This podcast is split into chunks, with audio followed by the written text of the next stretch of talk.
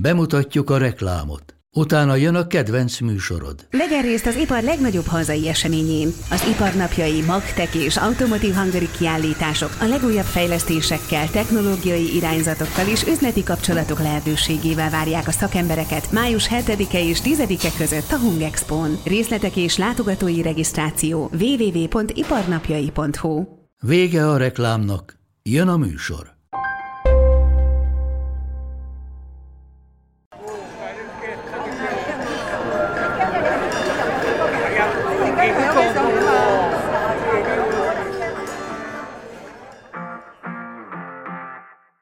Budapest összázsiai negyede, becenevén Kis-Kína, az elmúlt években a gasztronómiai érdeklődés előterébe került, de még mindig bőségesen rejt titkokat.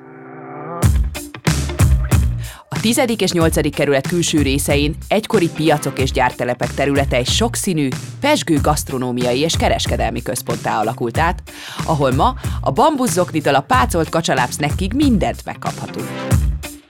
A Pesten innen Budántúl podcast negyedik epizódjában Vini, a budapesti fúziós konyha feltörekvő séfje lesz a segítségünkre, és bevezet minket ebbe a varázslatos bábeli zűrzavarba, hogy kicsit jobban megismerjük a piacokon és kereskedelmi központban együtt élő ázsiaiak életét. Főcím, és kezdünk!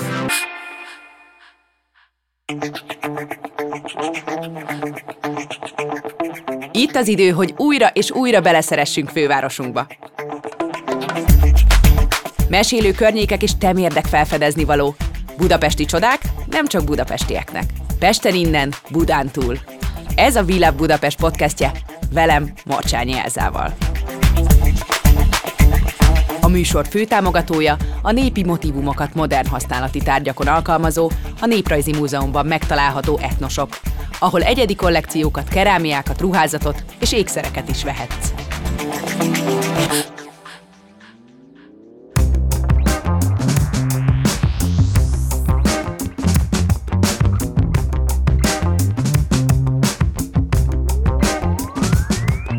Mivel ebben a beszélgetésben főleg a gasztronómiáról és persze Vini életéről lesz szó, mesélek kicsit a környék történetéről.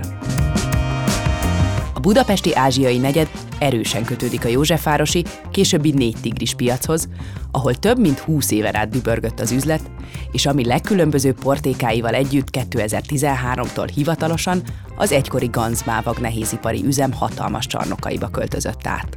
Ezzel párhuzamosan a Monori Center is terjeszkedésbe fogott kőbányán. Már a 300 nagykereskedés és körülbelül 20 étterem várja a viszonteladókat és vendégeket. A 90-es évek a kínai bevándorlási hullám érája lett, ám mai vendégünk szülőhazájával, Vietnámmal már korábban kapcsolatba került Magyarország, amikor a néhai KGST országok megegyezése nyomán diákokat fogadtak az itthoni egyetemek.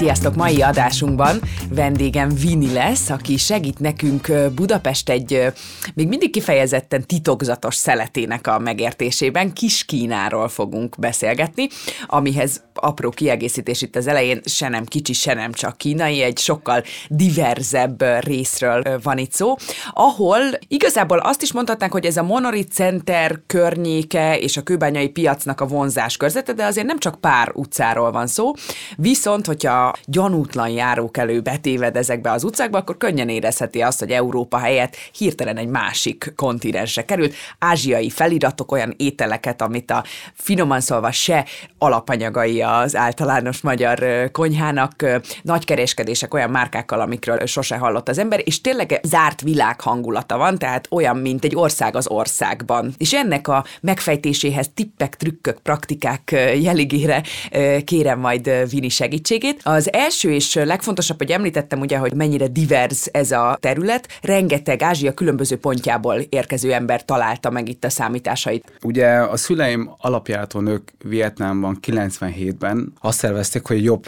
lehetőséget teremtenek nekünk, és ugye apámnak volt egy nagyon nagy álma az, hogy mindenképp külföldön fog élni, és hogy ezzel megteremtse az anyagadi hátteret nekünk. És ők ugye 97-ben elindultak, és azt mondták, hogy addig otthon maradunk, és addig, addig, ameddig még kicsik vagyunk, nem utazhatunk. És szerencsére mi rá két év után ugyanúgy követtük őket, és pont egy téli napon volt. Akkor voltam hat éves. Uh-huh. Ugye szomorúsztól is, mégis, mégis vidám az egész. Ott ugye a maga az utazás, hogy egyrészt kicsikén átélni, ez, ez nagyon, nagy, nagyon nehéz. Másrészt ugye átélni ezt, úgyhogy úgy, hogy két évig szülők nélkül felnőni, ez számomra nagyon szomorú volt, de amikor ide kerültem, ugye nekem teljesen új dolog volt ez a környezet. Nem, nem, nem, akkor ugye Vietnámban nincsen ez a hideg. És mikor a repülőn voltunk, ugye az akkori néni, lehet mondani néni, aki vigyázott ránk, ő felöltöztetett minket. És akkor ugye, amikor ide kerültünk Magyarországra, az első dolog volt, amit, amit kipróbáltam, az a hó volt, mert ugye nem tudtam mi az. És ugye emlékszem, nagyon sokat sírtam öcsémmel együtt, és, és ő, anyám, amikor, megtalál, amikor találkoztunk a szüleimmel a reptéren, azonnal zokogtam. Mondtam, anyu, apu. Nehéz és traumatikus időszak volt idejönni. Milyenek voltak a gyerekek az iskolában? Egyrészt tudnak nagyon befogadóak lenni, másrészt pedig meglehetősen el tudják tartani maguktól azt, amit nem ismernek. És neked mi volt a tapasztalatod? Könnyen beilleszkedtél? Milyen volt egy teljesen új nyelvvel megismerkedni egy ilyen közösségben? Azonnal elkezdtél iskolába járni, amikor ide érkeztetek? Emlékszem, egyik nap édesanyám reggel elvitt magához, magával, bocsánat, és azt mondta, hogy szia, megyünk suliba. És én ugye úgy voltam, hogy milyen suliba, hova, kikhez. És azt hittem, hogy ilyen vietnámi közösséghez megyünk. Aha. És amikor uh, tudasult bennem a dolog, hogy hát ez nem az, amire, amire én vágyom, vagy amire, amire vártam. amire számítottál, igen. igen. Van, igen. Anyám azt mondta, hogy fiam, ez egy teljesen új közösség, viselkedjél. Nagyon fontos, mindig kiemelte, hogy viselkedjek, uh-huh. és ne hozzak rá szégyen. Olyankor bementem első nap a, az iskolában, és az osztályomban mindenki furcsán nézett. Egyrészt szerintem a bőrszínem miatt, meg a kinézetem miatt, és a gyerekek azért azt nézzük, akkoriban nem tudták, nem volt ez a nagyon modern világ, mint most, hogy ki az ember, úristen, hogy néz ki ez a gyerek. Nekem azért is volt egy kicsit mély pont az időszak, mert senkit nem ismertem meg ugye magamra voltam utalva, a nyelvet se beszéltem. Az első két hónapot ott voltam, semmit nem tanultam, hiszen az... Nem, az Vagy is lehetett volna igen, bármit, igen. igen. És mindig az volt bennem, hogy körbejártam a, a, az osztályt, és emlékszem, volt egy ilyen, ilyen narancssárga róka, az volt a kezemben. Nekem valamiért az egy biztonságot adott Aha. mindig a kezemben, és akkor mellettem volt, mindig azt éreztem, hogy anyám itt van mellettem. Övéd, és akkor ne senki nem bánt. Pár hónap, ami ott lezajlott, nekem egy örökké valóság volt. Hogyha az ember kicsit utána néz, akkor alapvetően azt látja, hogy legalábbis a szem előtt lévő ázsiai kolóniák, ez a pár tízezer ember, amit beszéltünk Magyarországon, kereskedelem és vendéglátás, ez a két út van, főleg az első generációsoknak. Én azt gondolom, hogy az első generációk szerintem ezzel a kereskedelmi útvonalon mentek, és utána 2015 környékén kezdett el mindenki étterembe vállalkozni. Uh-huh. Mert ugye akkoriban, 90-es évek fele, akkoriban még ugye nagyon újdonság volt ez a piacozás, ez a kereskedelem, Igen. ez a minden olcsón beszerzünk, és mégis elöntunk. Mert akkoriban ez újdonság volt, és nagyon jól ment. Illetve a 90-es évek ugye azt is lett, hogy Magyarországon összeomlott a könnyűipar, az előző rendszer összeomlásának köszönhetően, szóval ez egy tényleg egy ilyen igazán jó házasság volt, hogy vásárlóelő és olcsó áru nagyon nagy termékkínálattal.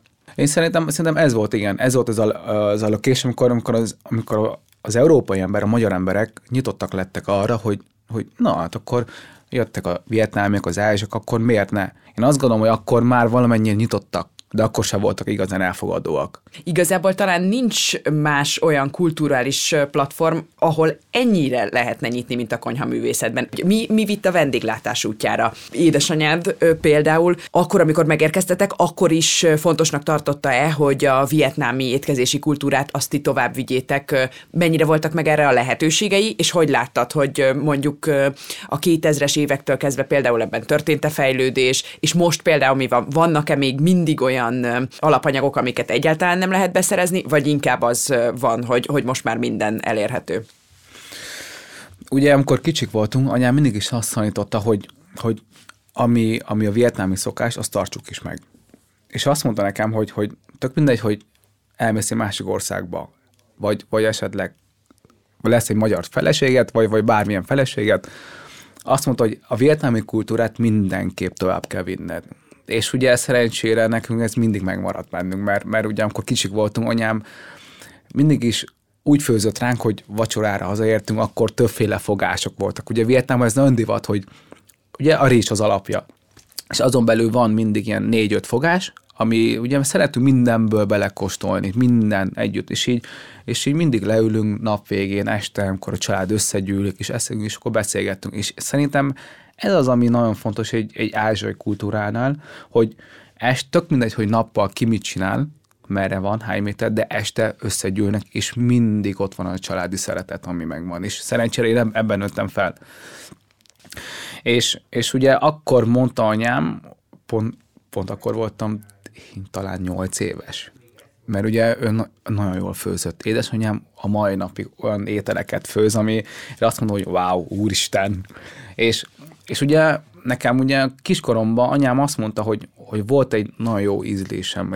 Mert ugye hat éves voltam, amikor, mikor ettem egy ételt, és mondtam, hogy fúj, nem, nem kell, undorító. És uh-huh. gyerekként természetesen ezt mondott, és anyám azt mondta, hogy ez hogy. És akkor belekóstolt abba az étel, azt mondta, hogy ez nem jó és mondta, hogy hat éves. Biztos, hogy vannak olyan gyerekek, akik, akik tudják, hogy valami nem jó, de olyan fűszer volt benne, amire... Aha, amit te nem szerettél. Amit nem szerettem, és édesanyám mondta azt, hogy ez nagyon kevés gyerek érzi, meg felnőtt ember. És emlékszem, anyám azt mondta, hogy fiam előtt szakás lesz. És én akkoriban nagyon el, ellenekeztem el erre, hogy én nem akarok szakás lenni. Ugye mindenkinek volt egy álma, hogy focista vagy énekes. És úgy engedett el focizni, hogy előtte fel kellett vágnom neki valamit mindig kötelezően vagy sárga répát, vagy hagymát, azért, hogy tanuljon, tanuljon a gyerek. Akkor mondtam neki, hogy anyu, nem akarok szakás lenni. És ő azt mondta, hogy csukd be a szemet. Becsuktam a szememet, mondta, hogy kóstold meg egy ételt. Mondom, megkóstoltam. Mondom, ezt is kóstold meg. Megkóstoltam, mondta, hogy nem érzek. És mondom, ízeket érzek. Mondom, nem jó. Mikor azt mondta, hogy kóstold meg ezt a kettőt egyszerre, belekóstoltam, akkor mondtam, te jó Isten. Mondom, értem, mire, mire akar célozni, értem, mit akar mondani. Akkor döntöttem, hogy én szakács akarok lenni. Tök mindegy, mi történik, én szakács akarok lenni. Anyu, ha főzöl, taníts meg, ott állok melletted. Ott voltam mellette minden egyes nap. Amikor, amikor dolgozott, akkor is főztem otthon egyedül. És mert ugye nekem bennem van egy ilyen bizony, bizonyítási vágy, hogy meg akarok neki felelni. És ugye voltak olyan alapanyagok, ami nagyon nehéz volt beszerezni, mert ugye Vietnámba importálni azért nagyon, nagyon drága egy, kettő meg ugye minőségvesztés, és azért is van az, hogy, hogy, hogy, hogy ugye, ha valamit megveszel, ezt max. egy-két egy-két vagy három napig eltart, utána, utána elkezd, elkezd megindulni a romlás, mert ugye ki van szedve gyökerestő, és, és ugye éghajlat miatt is nagyon fontos. Akkoriban ö, emlékszem, volt egy fűszer, ha jól tudom, az a tájbazsalikon volt, és nagyon drágán adták, és ritka volt akkoriban, 2003 meg négy környéken uh-huh. ritka volt a tájbazsalikom, és édesanyám minden követ megmozgatott, csak azért, hogy, hogy megtanítson engem főzni, hogy Aha. igenis, nem érdekel, hogy drága, de viszont meg kell vennünk, azért, hogy megtanult. Ez a piacozás élmény, ez mióta része az életednek? Tehát már gyerekkorod óta, vagy, vagy akkor, amikor már saját szárnybontogató szakácsként kezdtél el működni? Nekem szerencsére kiskoromban tapasztalta meg mindent, és ugye, ahogy mondtad, és a régi, orc, a régi Józsefvárosi piacon lehetett kapni mindenféle alapanyagot, és ott lehetett kapni a zöldségtől kezdve mindenféle szárazzárót. Igaz, nem olcsón, az akkorihoz képest sem volt olcsó, de most még drágább. Hát hiszen ezek kuriózumok voltak. Így van, így van, de szerencsére édesanyának megvoltak a akkori kontaktai is neki, uh-huh. szóval meg volt, meg volt a kontaktja, és mindig telefonált, vagy azt csinált, hogy személyesen vitt engem, hogy tanuljak ebből. Hogy, hogy már ugye körülbelül olyan 10 évesek voltunk, 11 évesek voltunk, mikor anyámnak volt egy büféje az ottani, az akkori piacon. Reggel hatkor felkeltünk, mentünk utána, és amikor szabadok voltunk, akkor nem volt suli, ilyen ünnepnapok voltak.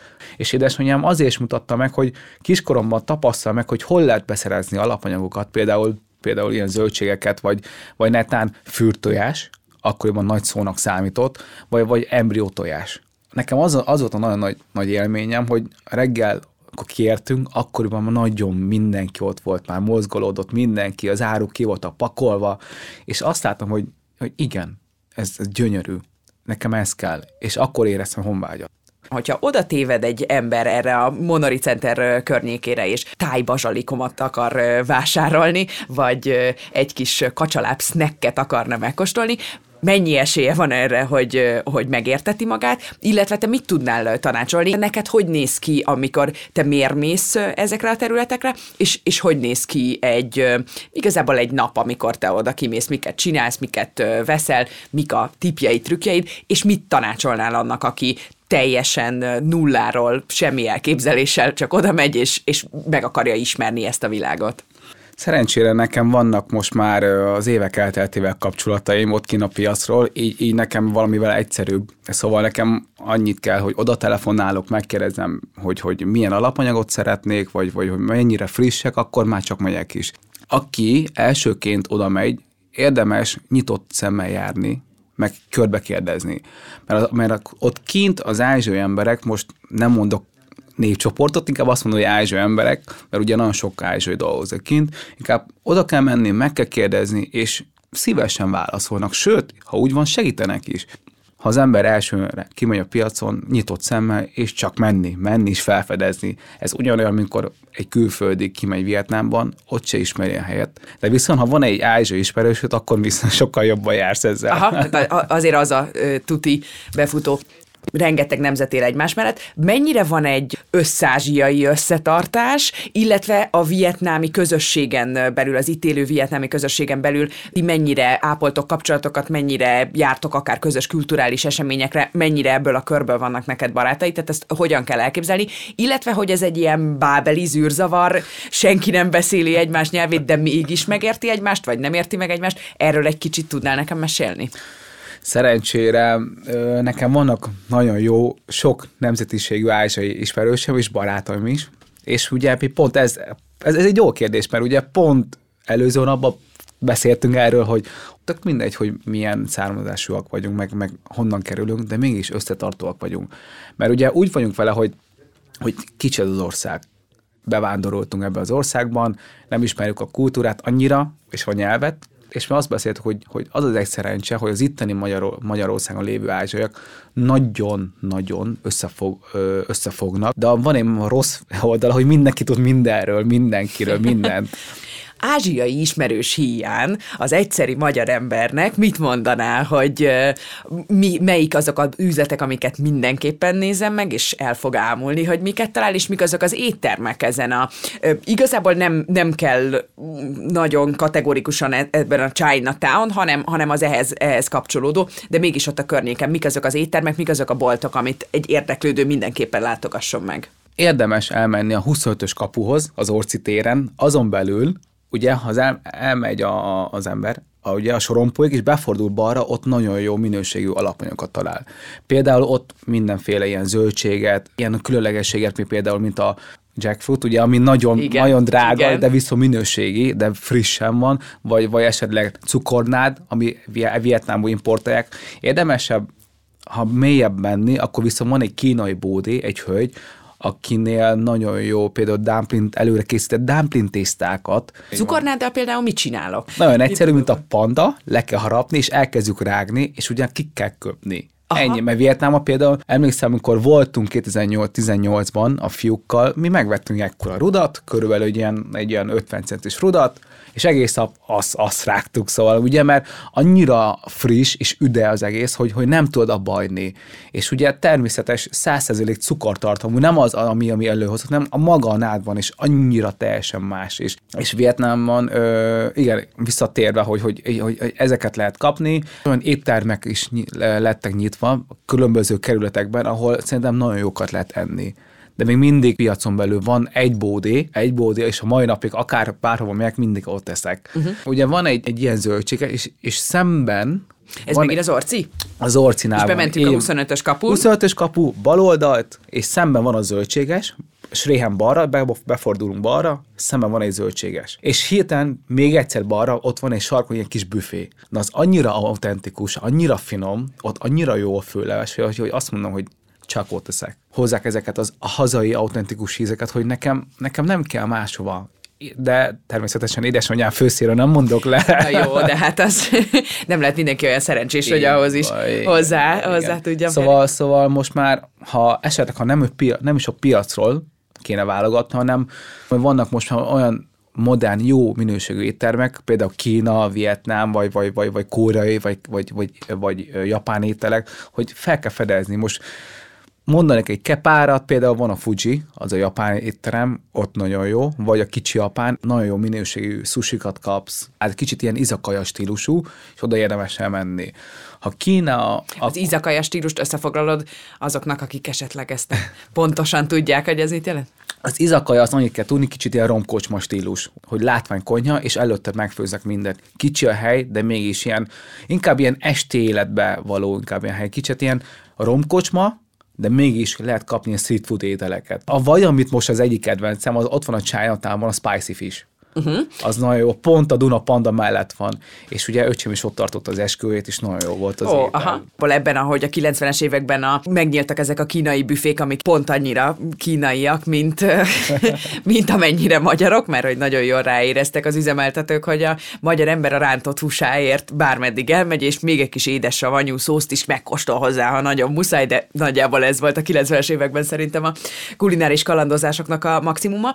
Viszont azért azóta rengeteg ilyen, hogy marhain, disznófül, száznapos tojás került be a köztudatba. A vietnámi konyhából tudsz nekünk mondani ilyen borzongató izgalmakat, amik, amiket te például kifejezetten szeretsz, vagy amik, amik mindennapos snackek, de magyar ember meg azt mondja, hogy jó, mi az? Vagy, vagy amit elérhető itt, ha jól tudom. Az is ugye? jó. Igen, például igen, vannak igen. olyan dolgok, amiket nem lehet elérni itt Magyarországon, de viszont nekem ez snack számomra. Például van ezek a dehidratált mangó, uh-huh. ami Vietnámban nagyon-nagyon elterjedt, és imádják. Meg a másik, ami... És ezt még nem lehet itthon kapni sehol? De, de szerencsére, az, Aha, szerencsére ez kapható, de vannak olyan ételek, ami csak kifejezetten Vietnámban ö, kaphatóak. Például kobra pálinka, patkány, patkányhús, meg ugye... Meglehetősen meg, bizarr, igen, bizarr, köszönöm, igen. pont erre, pont ilyenekre. Meg vannak ezek a lárvák, ami ugye, ami mozognak, és a vietnámiak snackkén eszik kint, és halszózban ö, mártják, és ugye még mozognak, de ugye azért mártják be íz kedvéért, másrészt meg magas fehére tartalma, és azért is eszik ezeket. Nekem kicsit bizarr. Én, uh-huh. én sosem kóstoltam, és nem szeretném megkóstolni. És uh-huh. Magyarországon most már szerencsére lehet kapni ezt a, a rákpasztát, kicsit, uh-huh. ami nagyon, nagyon büdös, de viszont nagyon jó íze van. Ez a fermentált rákpaszta. Mi az a vietnámi fogás, amit te minden körülmények között szívesen eszel, és szívesen készítesz? Az első az biztos a főleves az bármilyen, bármilyen körülmények között, bármilyen, bármi történik, azt meg tudnám menni. Nekem szerencsére van egy jó receptem. A második az a pirított rizs, mindenféle formában, de az, de az sem hagyományosan, hanem ugye van Vietnámban nálunk ez a fermentált káposzta, nagyon savanyú, és ha a rizs összekevered, egy annyira komplex ízt ad, hogy kicsit majdnem mondhatni ilyen umami, édes, sós, havanykás, uh-huh. és ugye keserű. Ez annyira jó, hogy, hogy én bármikor meg tudnám enni. Talán még ami, ami a harmadik, az a bagmi a szendvics. Na az, nekem az is egy akkora favorit, mert ugye én nagyon szeretem a kenyeret. Imádom bármilyen formában enni, de viszont ha ez a francia bagettel és a vietnámi Mike pásítom most ugye, benne lévő zöldségek, és ugye ami extrák vannak bármikor Vietnámban, akkor hazamentem, nekem ez volt az első három, amit mindenképp enni akartam. Főleves, pirított rizs, és ugye a banh mi. És a negyediket fel szeretnék mondani, az, az viszont Magyarországon nem elérhető. Általában otthon a szüleik szoktak csinálni. Ez egy ilyen ö, sárga is, ugye be van színezve kicsit a kurkumával, és a szójából csinálnak egy ilyen, megfőzik, és, a, és leszedik a levét, átdarálják a mungóbabnak a, a, a szerkezetét, és utána megfőzik, és kicsit ilyen kemény gumó lesz az egész, leszokta darálni, szokták kicsit ilyen vágni, vagy darálni belőle, és azzal szoktuk enni kicsit rizse, és, és pirított salotta hagymával, és ugye annak a zsírjával, az olajával beleöntjük, és teljesen új ízt ad.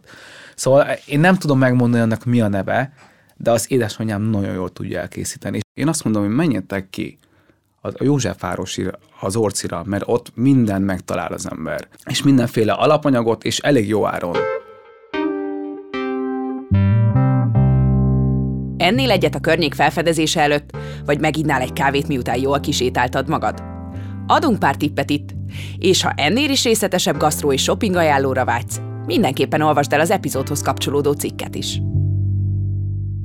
A 25-ös kisáruházon keresztül egy új világ tárul majd eléd. Vini szerint a legjobb egy ázsiai ismerőssel menni, de ha mégis egyedül vágnál neki, Ajánljuk Vangmester konyháját, az Aranytál hotpotot és a négy évszakéttermet. A gaztelep után irány a Monori Center, ahol májustól szeptemberig idén is mindenkit szeretettel vár az autentikus nyitott gasztropiac. Itt mindent végig kóstolhatsz, hogy eldönthesd, mi is a kedvenc kínai fogásod.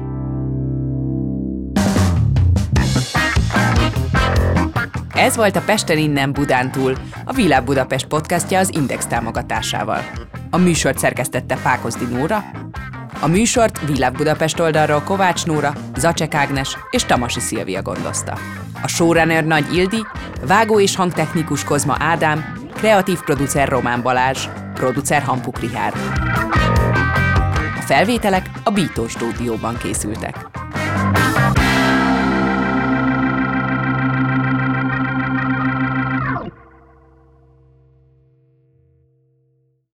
A műsor a Béton partnere.